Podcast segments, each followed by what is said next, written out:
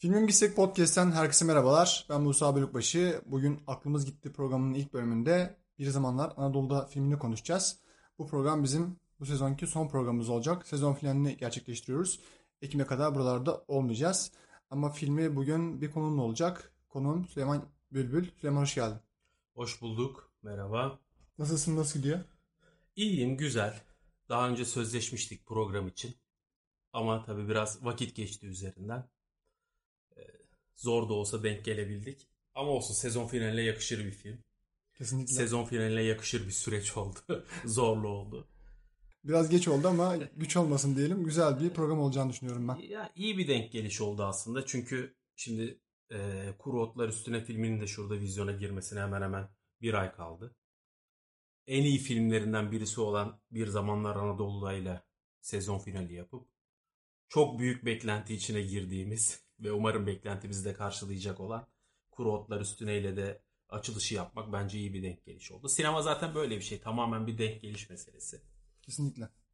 O yüzden eee, bakalım ne yapacağız, ne edeceğiz. Eee, herkesin üzerine çok şey söylediği, konuşmaktan büyük keyif aldığı bir zamanlar Anadolu Anadolu'da üzerine bakalım biz neler söyleyeceğiz. Zaten bu filmi seçme sebebim e, özel bir bölüm olmasını istiyordum. Çünkü alelade bir şekilde kaydetmek istemedim. Hatta bu filme de aklımız gitti dememin sebebi o. Hı hı. İkimizin de en sevdiği filmlerden biri Bir Zamanlar Anadolu'da.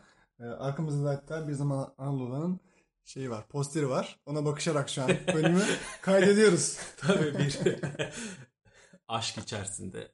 Yani poster çok güzel olmuş. Çok beğendim zaten. Ee, öncesinde de konuştuk. Filminde giriş sahnelerinden birisi. Hatta ee, biliyorsun filmin kitabı da var. Evet. Kitabında giriş sayfalarından birinde şey diyor zaten. Nuri Bilge not almış. E, Filmin giriş sahnesinde çeşme önündeki toplantıda o bir araya gelmede e, kapak için fotoğraf çekilecek falan diye ufak bir not düşmüş böyle. E, Şimdi o Nuri Bilge'nin not düştüğü şeyin e, hayat bulmuş halinin böyle duvarda asılı olması da bence ayrı bir güzel. E, beğenmene sevindim. Benim de en sevdiğim şeylerden biri, görsellerden biri. Hı hı. İstersen yavaştan filme başlayalım. Biz bu Tamam. filmi niye bu kadar seviyoruz abi? Mesela benim ilk üçünde, senin ilk kaçında bilmiyorum. Niye Ya- bu kadar seviyoruz? Oradan başlayalım. Senle uzun zamandır tanışıyoruz. Az çok biliyorsun çok fazla bir film sıralama şeyim olmuyor. Evet. Olayım olmuyor ama hani bana e, hadi ya işte iyi bir film izleyelim ya da ne izlesek falan dendiğinde e, kefil olabileceğim filmlerden birisi. Bir zamanlar Anadolu'da. Tabii bunu herkese karşı değil de sinemayı gerçekten seven, benimsemiş Biraz daha olan kültür olan. Tabii ki öyle. Çünkü çok fazla ticari sinemanın e, güdümünde olduğumuz için şimdi böyle bir filmi herhangi birine önermek e, çok büyük bir handikap getiriyor beraberinde.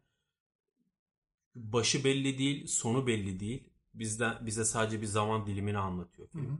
hı. E, Şimdi biz çok fazla alıştık. E, Başı belli olan, sonu belli olan, e, kahramanların kazandığı, kötülerin kaybettiği, iyilerin çok iyi olduğu filmlere. Şimdi bir zamanlar Anadolu'da çok böyle bir film olmadığı için tabii herkesin de izlediğinde mest olacağını düşünemiyoruz. Yani böyle bir e, yanılgıya düşmememiz lazım.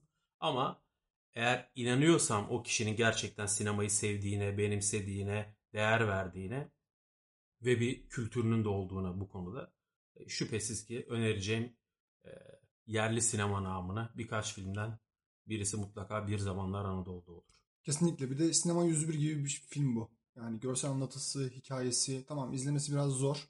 Ee, süresi uzun. Yani Evet. film iki buçuk saat. Benim için bir saatlik bir film aslında. Ee, senin dediğin gibi herkese önerilmeyecek bir film bu. Biraz daha alt kültür olması gerekiyor. İstersen buradan hikayeye geçelim. Yavaş Tamam, yavaş. tabii, tabii. Şimdi eee tabii filmin senaryosunun büyük bir bölümü Ercan Kesal'a Hı hı. ait. En azından hikayesi. Eee, şunu bilenler biliyordur ki kendisi de zaten olayın da geçtiği kasabada eee, vakti zamanında doktorluk yapmış. Eee, kendi yaşadığı, gözlemlediği olaylar neticesinde ortaya çıkmış bir hikaye bu. Sonra Nuri Bilge Ceylan, Ebru Ceylan ortaklığında senaryosu yazılıyor. Ve nihayetinde de ortaya böyle bir film çıkıyor. Tabii şimdi bende kitabı da var. Senaryosu çok uzun değil aslında. Çünkü böyle çok alışılagelmiş bir film olmadığı için senaryosu da ona göre şekillenmiş. Çok fazla kağıt üzerine dökülmüş detay yok. Anladığım kadarıyla şimdi Ercan Kesal'la da işbirliği olunca tabii biraz kendi kafalarında biliyorlarmış ne yapacaklarını. Hı hı. Aslında kare kare böyle e, saniye saniye belli ki zihinlerinde zaten oturmuş film. Hı hı. E, sonrasında da yine Ercan Kesal'ın kamera arkasında da verdiği destekle böyle bir film ortaya çıkmış.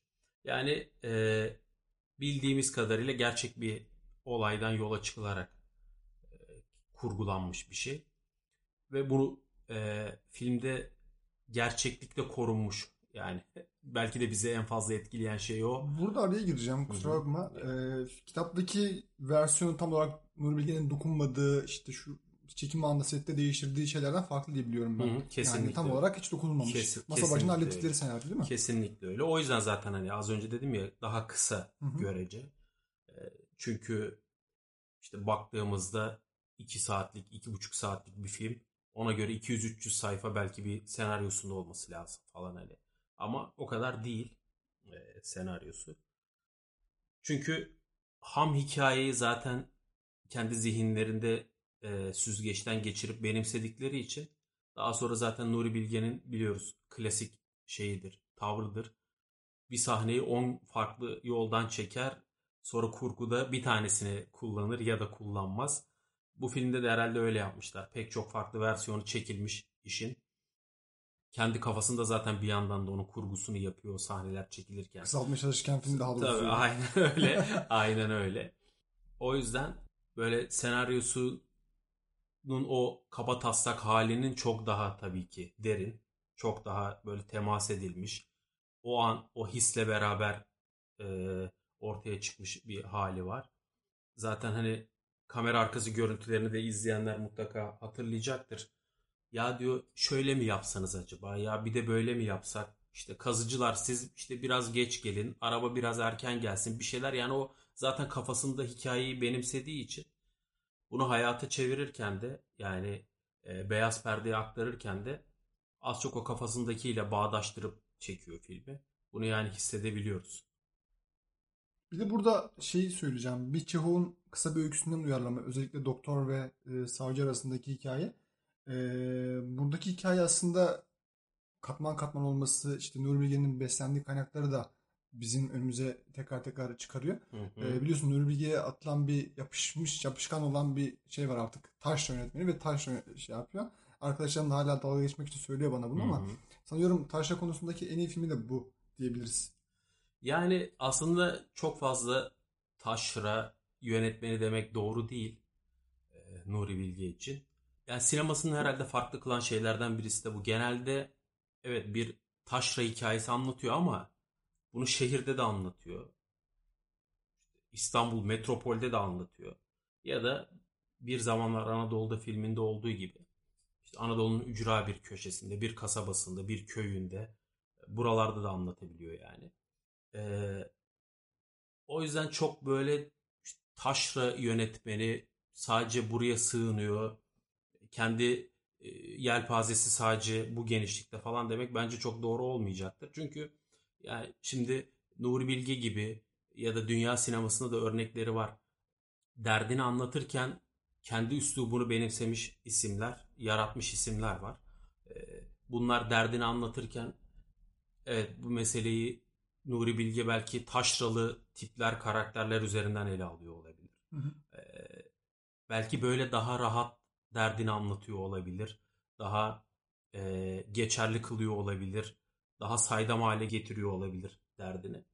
E, ama bu şu demek değil yani işte Nuri Bilge çok e, kısıtlı bir bakış açısıyla sadece Taşra'nın derdini anlatıyor. Taşra'ya sığınmış ve oradan beslenen birisi diyemeyiz. Yani hı hı. Şimdi bir zamanlar Anadolu'da filmi filminin esas hikayesi Ercan Kesal'ın kafasında tekrar yarattığı o hikaye Anadolu'nun ücra bir yerinde geçiyor ve belki şöyle bir şey de deneyebilirdi. Aynı hikayeyi şehirde, büyük şehirde e, farklı bir biçimde de anlatmayı deneyebilirdi.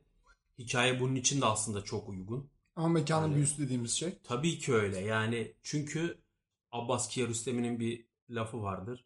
Bir ağacı kök saldığı yerden söküp başka bir yere ekebilirsiniz. Orada da e, meyve vermeye devam edecektir ama kendi toprağındaki kadar lezzetli olmayacaktır verdiği meyveler diyor.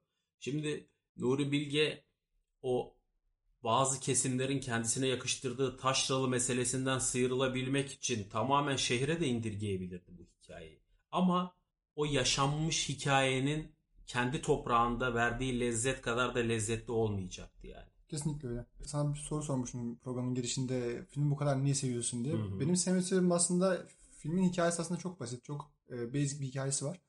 E, bir gecede geçen bir ceset arıyorlar. Bir gecede bir ceset arıyorlar. E, filmin üçte ikisi kısmı aslında burada geçiyor.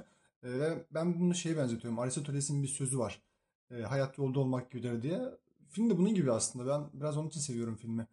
E, sonuç değil de sonuca doğru ulaştığın Tabii sürede o... geçen zaman aslında değerli olan. Tabii aynen öyle. Şimdi hikayenin bir yerinden dahil olmak ve sonra o hikayenin bizi terk edip gitmesi bambaşka bir his durumu.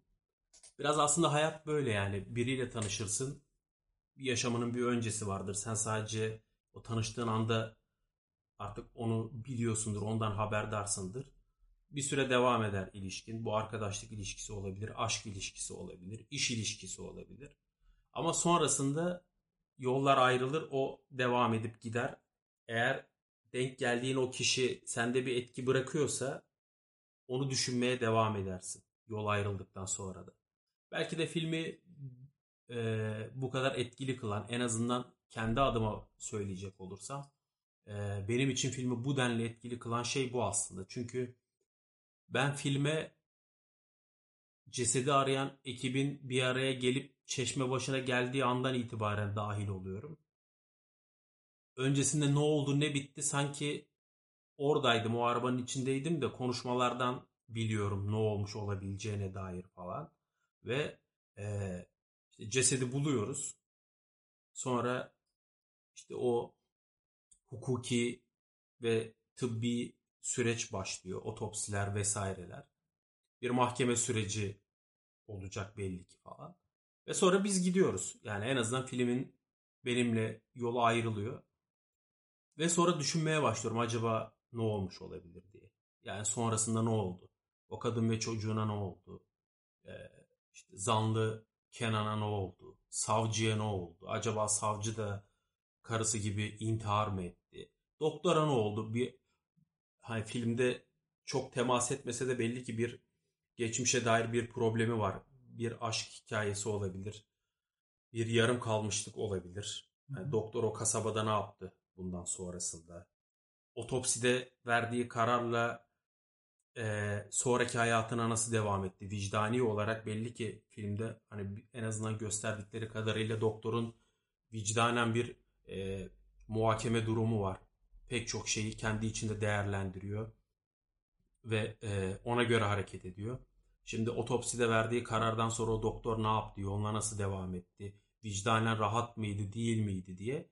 Film bende yaşamaya devam ediyor yolumuz ayrılmış olsa evet. bile. Bu yüzden de bu film ben de yaşadığım sürece benimle yaşamaya devam edecek. O yüzden de benim için çok daha özel, çok daha kıymetli. Sonu olmayan şeyleri seviyorum. Bir de film şey olarak da çok önemli. Ben biraz önce sinema 101 demiştim ama Çağdaş Anlatısı için de çok iyi bir örnek. Yani Çağdaş Anlatı'da ne olur? İşte katarsis yaşamazsın bir Marvel filmindeki gibi dışarı çıkarsan hala düşünmeye devam edersin. Senin, senin biraz önce söylediğin gibi. Yani film hala yaşamaya işte herkesin kendi hayal gücüne göre veya herkesin kendi kurduğu dünyaya göre biraz şekilleniyor. Yani son, sonu gelmedeki filmin ne olduğu gibisinden işte e, sinemada anlamayan bir insanın yorumu söylersek eğer. Evet maalesef. E, yani gerek yok sonunu görmemiz gerek o kadar şey verdik zaten film bize. Tabii ki ya bu e, sohbetin başında da hani konuşmuştuk ya bu mesele biraz bu e, klasik anlatının ticari sinemanın bize aşıladığı mesele. Yani bir başı ve sonunun olması lazım. Birinin kazanıyor, birinin kaybediyor olması lazım vesaire diye. E, bu durumla maalesef başımız artık belada. Özellikle yeni çıkan filmlerde başı e, sonu başından belli Başı çok klasik. Ortası insanı her şeyden koparıyor falan. Ben ne izliyorum diyorsun bir süre sonra. Finaline geldiğinde ya zaten biliyordum niye vaktimi buna harcadım falan diyorsun. Öyle bir problemimiz var maalesef e, mevcut durumda.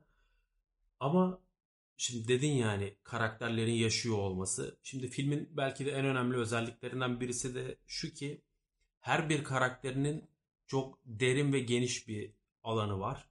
Gerçekten yaşayan karakterler. Yani orada e, filmde çok etkin bir rolde olmasa bile işte komiserin yardımcısı olan e, karakter. Yani onun işte evinin köşesindeki bakkaldan manda yoğurdu aldığını iddia ediyor olması bile hani en basit örneğiyle veriyorum bunu. Onun orada gerçekten yaşadığının bir göstergesi. Yani filmi izlerken ister istemez zaten biz oradaki tüm karakterlerin yaşadığına inanıyoruz. Bize başka bir çare bırakmıyor film. Ee, işte Komiser Naci diyor ya orada olsa ben bilmez miyim? Hani, yani o kadar doğal, saf ve şeyler, diyaloglar var ki bu masa başının yazılma etkisini de yok ettiriyor. Hı-hı. Ve seyirciyi de oraya dahil etmemizi sağlıyor. Kesinlikle öyle. Çünkü o manda yoğurdu sahnesinde bile biz şunu anlıyoruz ki ya da en azından hissediyoruz ki ya evet gerçekten de işte konser Naci yardımcısı e, şeyde kalıyorlar. Lojmanda yaşıyorlar. Evet gerçekten de lojmana yakın, yakın bir bakkal var. İşte orası taşra olduğu için manda yoğurdu bakkalda dahi satılabiliyor falan. Ee, işte yardımcısı almış, yemiş, işte koktuğunu iddia ediyor.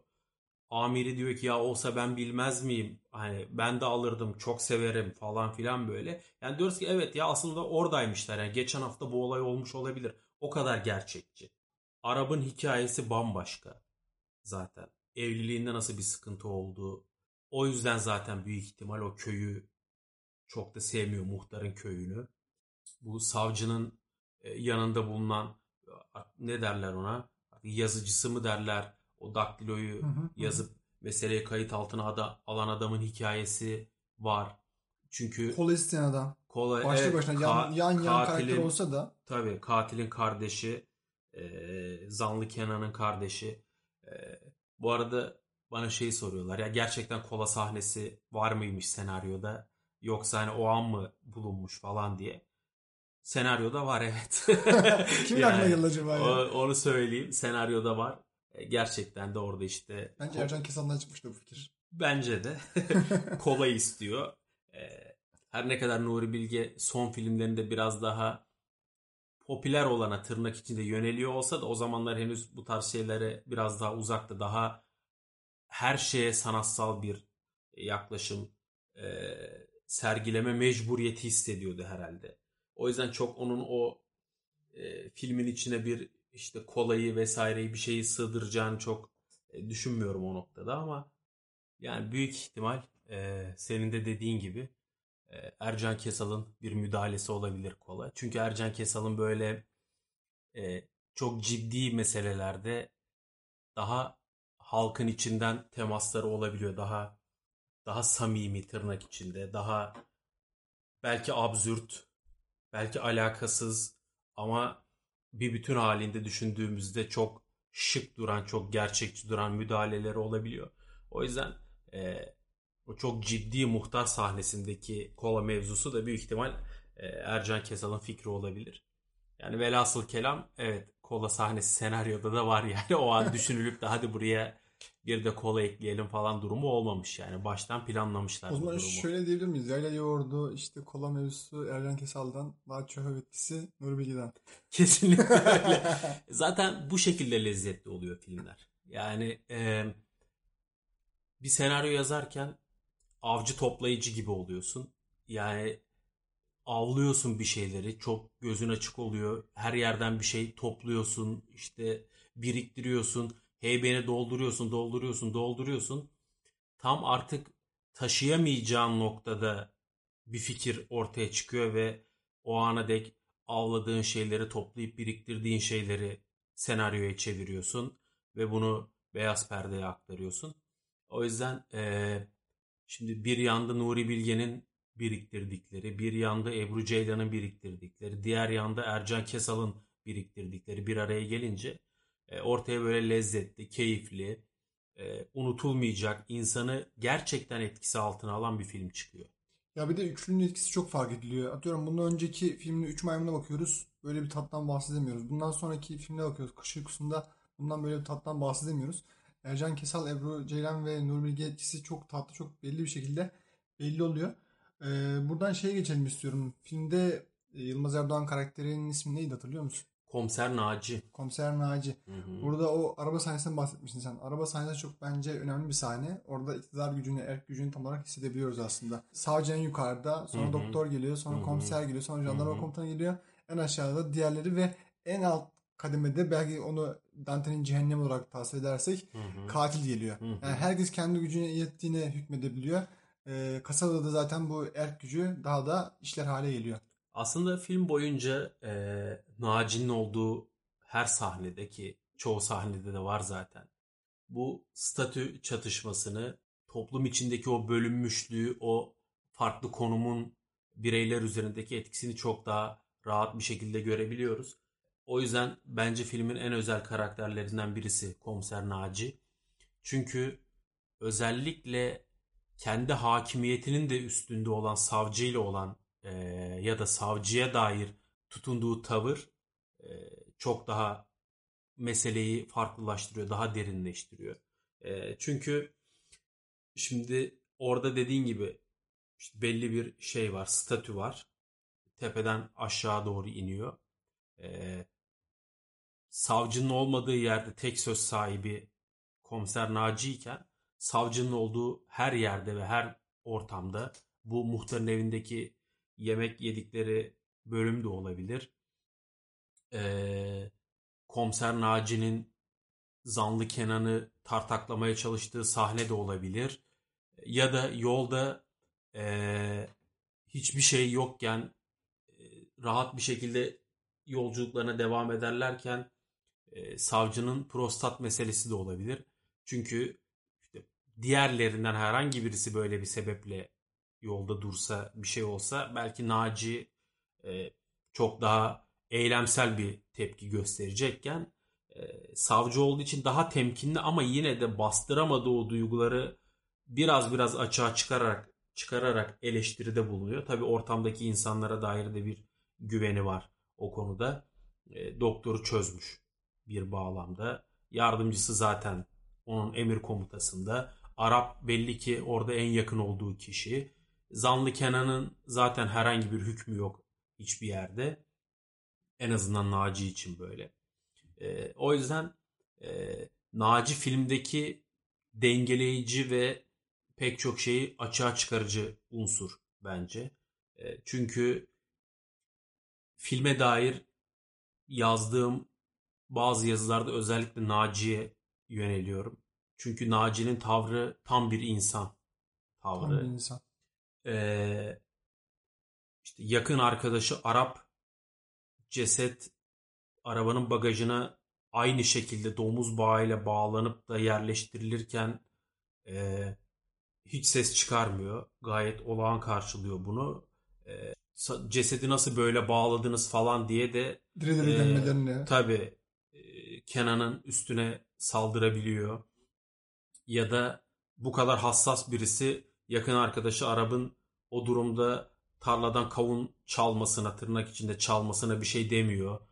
Arabanın bagajına cesedin yanına o kavunları koymasına sessiz kalıyor. Bu kadar hassas bir karakterin bu tarz durumlarda pasif hale geçiyor olması e, ya da tam tersi istikametten bakacak olursak e, herkesin çok sakin olduğu, olağan karşıladığı yerlerde çok vicdani, çok ahlaki bir şekilde e, davranıp da e, tavırlarını çok tiyatral şekilde gösteriyor olması falan tam bir insan e, modeli.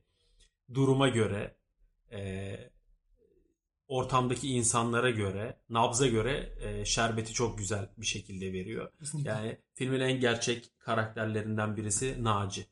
İşte doktor e, hani diyor ya doktordan şey sigara istediğinde Hı hı.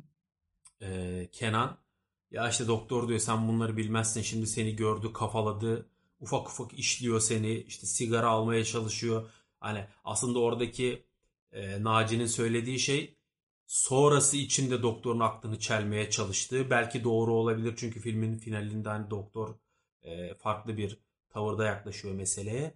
E, belki oraya bir gönderme yapıyor ama e, kendi çocukları için doktordan ilaç istemesini biliyor. Hani bir ona ayrıcalık tanıma, tanınmasını e, istemesini biliyor yani. Hani e, pek çok açıdan baktığımızda dediğim gibi gerçek bir karakter, gerçek bir insan tüm riyakarlığıyla, tüm e, vurdum duymazlığıyla, tüm o tiyatral abartılı hareketleriyle hani ne kadar insan olduğunu, ne kadar vicdanlı olduğunu, ne kadar ahlaklı olduğunu sergilemeye çalışmasıyla, bunu herkesin gözüne sokmaya çalışmasıyla tam bir insan. Bir de tam bir iyi yazılmış bir polis karakteri. Yani polisler böyle hot şey yazılmaktan ziyade tam öyle bir karakter ama hı hı. çok stereotip bir karakter de değil. Yani karısı aradığında nasıl eğri bükülmesi, nasıl böyle utanması, sıkılması ama ona rağmen diğerlerinde en azından katile karşı, Kenan'a karşı biraz daha böyle hoyrat olmasını e, iyi yazılmış karakter olduğunu şey anlayabiliyoruz Kesinlikle zaten. Kesinlikle öyle. Yani karısı aradığında işte mahcup oluyor. Evet. Kimse duymasın istiyor çünkü karısı belli ki çok otoriter bir karakter. Düşünsene çok mühim bir olayın peşindeler. Tüm kasabayı ilgilendiren bir olayın peşindeler. Savcı orada, doktor orada, herkes orada. Geceden beri yoldalar falan ama karısı aradığında tüm o büyük olay bir anda etkisini yitiriyor. Karısına hala işte mesaide olduğunu, işte olduğunu, eve döneceğini falan anlatmaya çalışıyor böyle. Karısı bir yandan da tabii ki azarlıyor onu. Yani gerçekten böyle dediğin gibi tam işte polis gücünün yettiğine karşı daha otoriter, daha baskın ama işte üstlerine karşı ya da e, eşine karşı e, daha pasif halde falan böyle tam dengeyi kurmaya çalışan, sağlayan bu şekilde de e, bazı şeyleri belki saygınlık olabilir, belki doktordan istediği gibi çok riyakarca bir şekilde ilaç durumu olabilir vesaire bunları elde edebileceğini düşünen, bunun hesabını yapan e, bir karakter. Muhtarın evine gittiğimizde de aynı e, rahatlıkla davranıyor orada da. Sanki işte 40 yıllık ahbabıymış gibi oradaki herkes. Hı hı. Baktığımızda en rahat karakter o. E, muhtarla yine en rahat konuşan, diğerleriyle şakalaşan ama o anda bir kola istediğinde hemen o kimliğini bırakıp e, o ciddi otoriter kimliğine bürünüp e, Arap'tan kendisi bile söylemiyor. Yani zanlının kardeşine e, susmasını işte araba söylüyor. Söyle kapatsın çenesini falan diye. Hemen orada o statüsünü de korumaya çalışan falan bir karakter yani. Ee, yani bu film için biraz da şey diyebilir miyiz ya? İlişkiler üzerine film diyebilir miyiz? Yani savcıya bakıyorsun ilişkileri yolunda gitmemiş. Doktora gidiyor, bakıyorsun yolunda Hı-hı. gitmemiş. Komiser Naci'ye bakıyorsun belli ki içeride yollara gitmiyor. Zaten başlı başına filmin lokomotif olan hikayenin başat noktası olan katille veya maktul arasındaki mevzu bile ilişkiler üzerinden Tabii, şey yapıyor. Kesinlikle. Kesinlikle öyle. E zaten hayatımız öyle değil mi yani? Kendi yaşadığımız o bireysel ilişkilerimiz arkadaşlık ilişkilerimize, dostluk ilişkilerimize, iş ilişkimize her şeye yansıyor. Ve o gün evden nasıl çıktıysak ya, ya da o gün gelen mesajda ne yazıyorsa, o gün gelen aramada ne konuşulduysa o biraz daha fazla belirleyici oluyor. O günü nasıl geçireceğimize dair. Ve filmde de gerçekten de baktığımızda herkesin geçmişinde bir ilişki durumu var. Pişmanlıklar olabilir, hasret özlem olabilir, korku olabilir, yüzleşme olabilir, her şey olabilir yani. Tüm o ilişkiler, geçmişi ilişkiler bağlamında karmaşık karakterler bir araya gelmiş. Ee, ve bu karakterler de birbirleriyle olan ilişkiler konusunda da yine bir karmaşa içindeler. Çünkü kim kime nasıl davranacak, ne kadar saygı gösterecek, ne kadar alttan alacak, ne kadar üste çıkacak. Bunun da çok kestirilemediği bir ortamda büyük bir aslında kakofoni de var bu konuda. Çünkü bir grup insan oradan oraya sürükleniyor, oradan oraya sürükleniyor. Gittikleri her yerde Kenan'ın yönlendirmesiyle ya da işte e, elektrikler gidiyor o hava muhalefeti nedeniyle orada bile herkes yine tavrı, düşüncesi, durumu değişebiliyor. Yani tüm ortam, birbirleriyle olan ilişkileri, her şey o anki durumu, o anki sahneyi yeni baştan sanki bambaşka bir hale sokabiliyor falan. Yani büyük bir karmaşa kaos içerisinde de ilerliyor film aslında. Ama bir yandan da son derece sakin. Arabada gidiyorlar, çeşmeye gidiyorlar, tarlaya gidiyorlar, muhtarın evine gidiyorlar, yemek yiyorlar vesaire, sigara içiyorlar. İşte belki savcı prostat için arabadan prostatı için arabadan indiğinde gülüşüyorlar. İşte oradan kavun alıyor, yiyor, elma yiyor. Yani çok da böyle aslında hayatın içinden çok da sakin de ilerleyen bir film bir yandan da. Yani çok bu bağlamda böyle tılsımlı bir yapısı var bence filmin. Bu noktada belki şey de konuşabiliriz. Taşra'daki hayatın bütün suçları, günahları hasır altı etme durumunu da belki konuşabiliriz. Ee, biliyorsun kurak günlerde bu biraz daha bağır çağırdı her şey. Hı hı, Ee, tabii. belli başlıydı. Buradaki her şey biraz daha tırnak içinde e, sanatsal ve daha böyle şiirsel bir şekilde sunuluyor. Tabii burada e, yönetmenin tavrı belirleyici oluyor. E, çünkü Kurak Günler'de Emin Alper sert bir film yapmak istemiş. Yumruğunu gerçekten masaya vuruyor filmde. Ama Nuri Bilge daha soft, böyle daha kararı izleyiciye bırakan, daha görece yumuşak bir film yapıyor. Baktığımızda bir cinayet var, işte canlı canlı toprağa gömülme var. Biri dalga geçermiş gibi tüm o ekibi peşinden sürüklüyor. Burası mıydı, orası mıydı? Söylemiyor, baştan itiraf edeceğim demiş, etmemiş vesaire vesaire falan böyle. Baktığında çok sert de bir durum var. Ama e, bunu daha yumuşak anlatıyor. Yani bu benim de sevdiğim bir tarzdır böyle çok ekstrem sahnelerde çok yumuşak müziklerin kullanılması böyle sahnenin yapısını çok daha etkin kılıyor, çok daha geçerli kılıyor. Nuri Bilge'nin Bir Zamanlar Anadolu'da filmi de böyle yani çok sert bir hikayeye çok böyle yumuşak bir melodi eklenmiş gibi ve bizim haykırasımız geliyor hani ya böyle olması lazım bak şöyle işte artık konuşturun ya da bulun ya da bak işte muhtar aslında çok riyakar birisi belli ki başka işler çeviriyor falan ya da bak muhtar sen bunları evinde e, ağırlıyorsun ziyafet veriyorsun falan ama senin anlattığın hiçbir şey bunlar için önemli değil. Gülüp geçiyorlar, dinlemiyor bile. Savcı senin bir saat anlattığın konuyu dönüp sana tekrar soruyor ya senin o olan var mıydı falan. Hani bu şekilde yani bak senin tüm o iyi niyetine karşı bunlar aslında sadece seni kullanıyorlar. O gün orada konaklamak için sana bir muhtaciyet durumu söz konusu ve bunu kullanıyorlar. İçimizden bunu haykırmamız geliyor ama aynı zamanda da çok yumuşak bir şekilde de ilerleyip gidiyor. Film gerçekten çok katmanlı. Zaten Nuri Bilge'nin en kat, katmanlı filmi diyebiliriz bu film için. Boşuna sevmiyoruz. Ee, ufaktan istersen toparlayalım. Şu an yarım saati geçtik. Hı hı. Ee, genel anlamda bir zamanlar Anadolu'dayı neden sevdiğimizi veya filmin gerçek dünyasını, hikaye dünyasını anlatıp yavaştan programı kapatalım istersen. Konuşmanın bir bölümünde de geçmişte her bir karakterin kendi içinde de büyük bir hikayesi var aslında. İrdelendiği zaman hani filmin ucu açık, karakterlerin de ucu açık. İşte Naci ne yaptı? İlaçları aldı mı? İşte çocuğu iyileşti mi? Karısıyla durumunu düzeltti mi? Doktorun geçmişindeki bu e, fotoğraflara bakıp iç geçirdiği o aşk hikayesi ne oldu? Savcı eşinin intiharına kendinin neden olduğu gerçeğiyle yüzleştikten sonra ne yaptı? Nasıl bir tavır sergiledi? Sonrasında hayatına nasıl devam etti? Vesaire vesaire gibi pek çok ucu açık hikayesi de var. Yani film baştan sona insanı tamamen düşünmeye iten, baştan sona karar verme yetkisini de izleyiciye veren bir yapıya sahip. E, bu bağlamda Farhadi sineması biraz öyledir. Biraz değil hatta çok fazla öyledir. Sadece hikayesini anlatır. E, hakim pozisyonunda izleyici vardır. İzleyici hükmü verir. İşte bu gerçekten kötü ya da bu iyi ya da bunun e, yaptığı şeyler doğru, bununki yanlış gibi. E, bir zamanlar Anadolu'da filminde de biraz böyle bir hava var aslında. E, çünkü her ne kadar film kendi içinde zaman zaman çözülmeler yaşasa da e, şu yüzden işlenmiş. Evet sonunda da bu açığa kavuştuğuna göre böyle bir şey de olacak desek de yine de kendi içimizde bunun değerlendirmesini yapıp belki Kenan'a da acıyıp belki Naci'yi de mazur görüp belki savcının durumuna da acıyıp belki doktora da ahvah edip, belki muhtarın bir seçim daha kazanmasına da böyle e, olumlu yaklaşıp falan her bir karakteri yaşatmaya devam ediyoruz yani.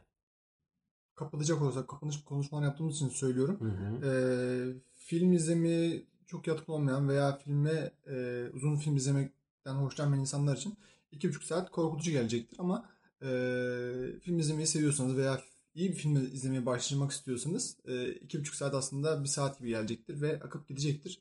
E, biraz önce söylediğim gibi bu film biraz Aristoteles'in yolda olmasına benziyor. Hayat yolda olmak gibidir Hı hı. sözüne benziyor. E, sonucu açık bıraksa da sonuçla ilgilenmiyoruz aslında. Sonucu herkes kendi keşfetsin. Sonuç olarak biz burada yolda olmayı filmin o süreçte sonuca doğru götürdüğü Şimdi durumu ilgileniyoruz. kesinlikle öyle. Bir de şöyle bir durum var. Yolda olmak demek herkesin konfor alanından uzaklaştığı, herkesin kendiyle, geçmişiyle e, baş başa kaldığı, bir bağlamda çaresiz olduğu, e, bir bağlamda kendisiyle ve diğerleriyle yüzleşmekten başka da bir seçeneğinin olmadığı bir durum. Yani bu yüzden insanları hani yolda tanıyabiliyoruz.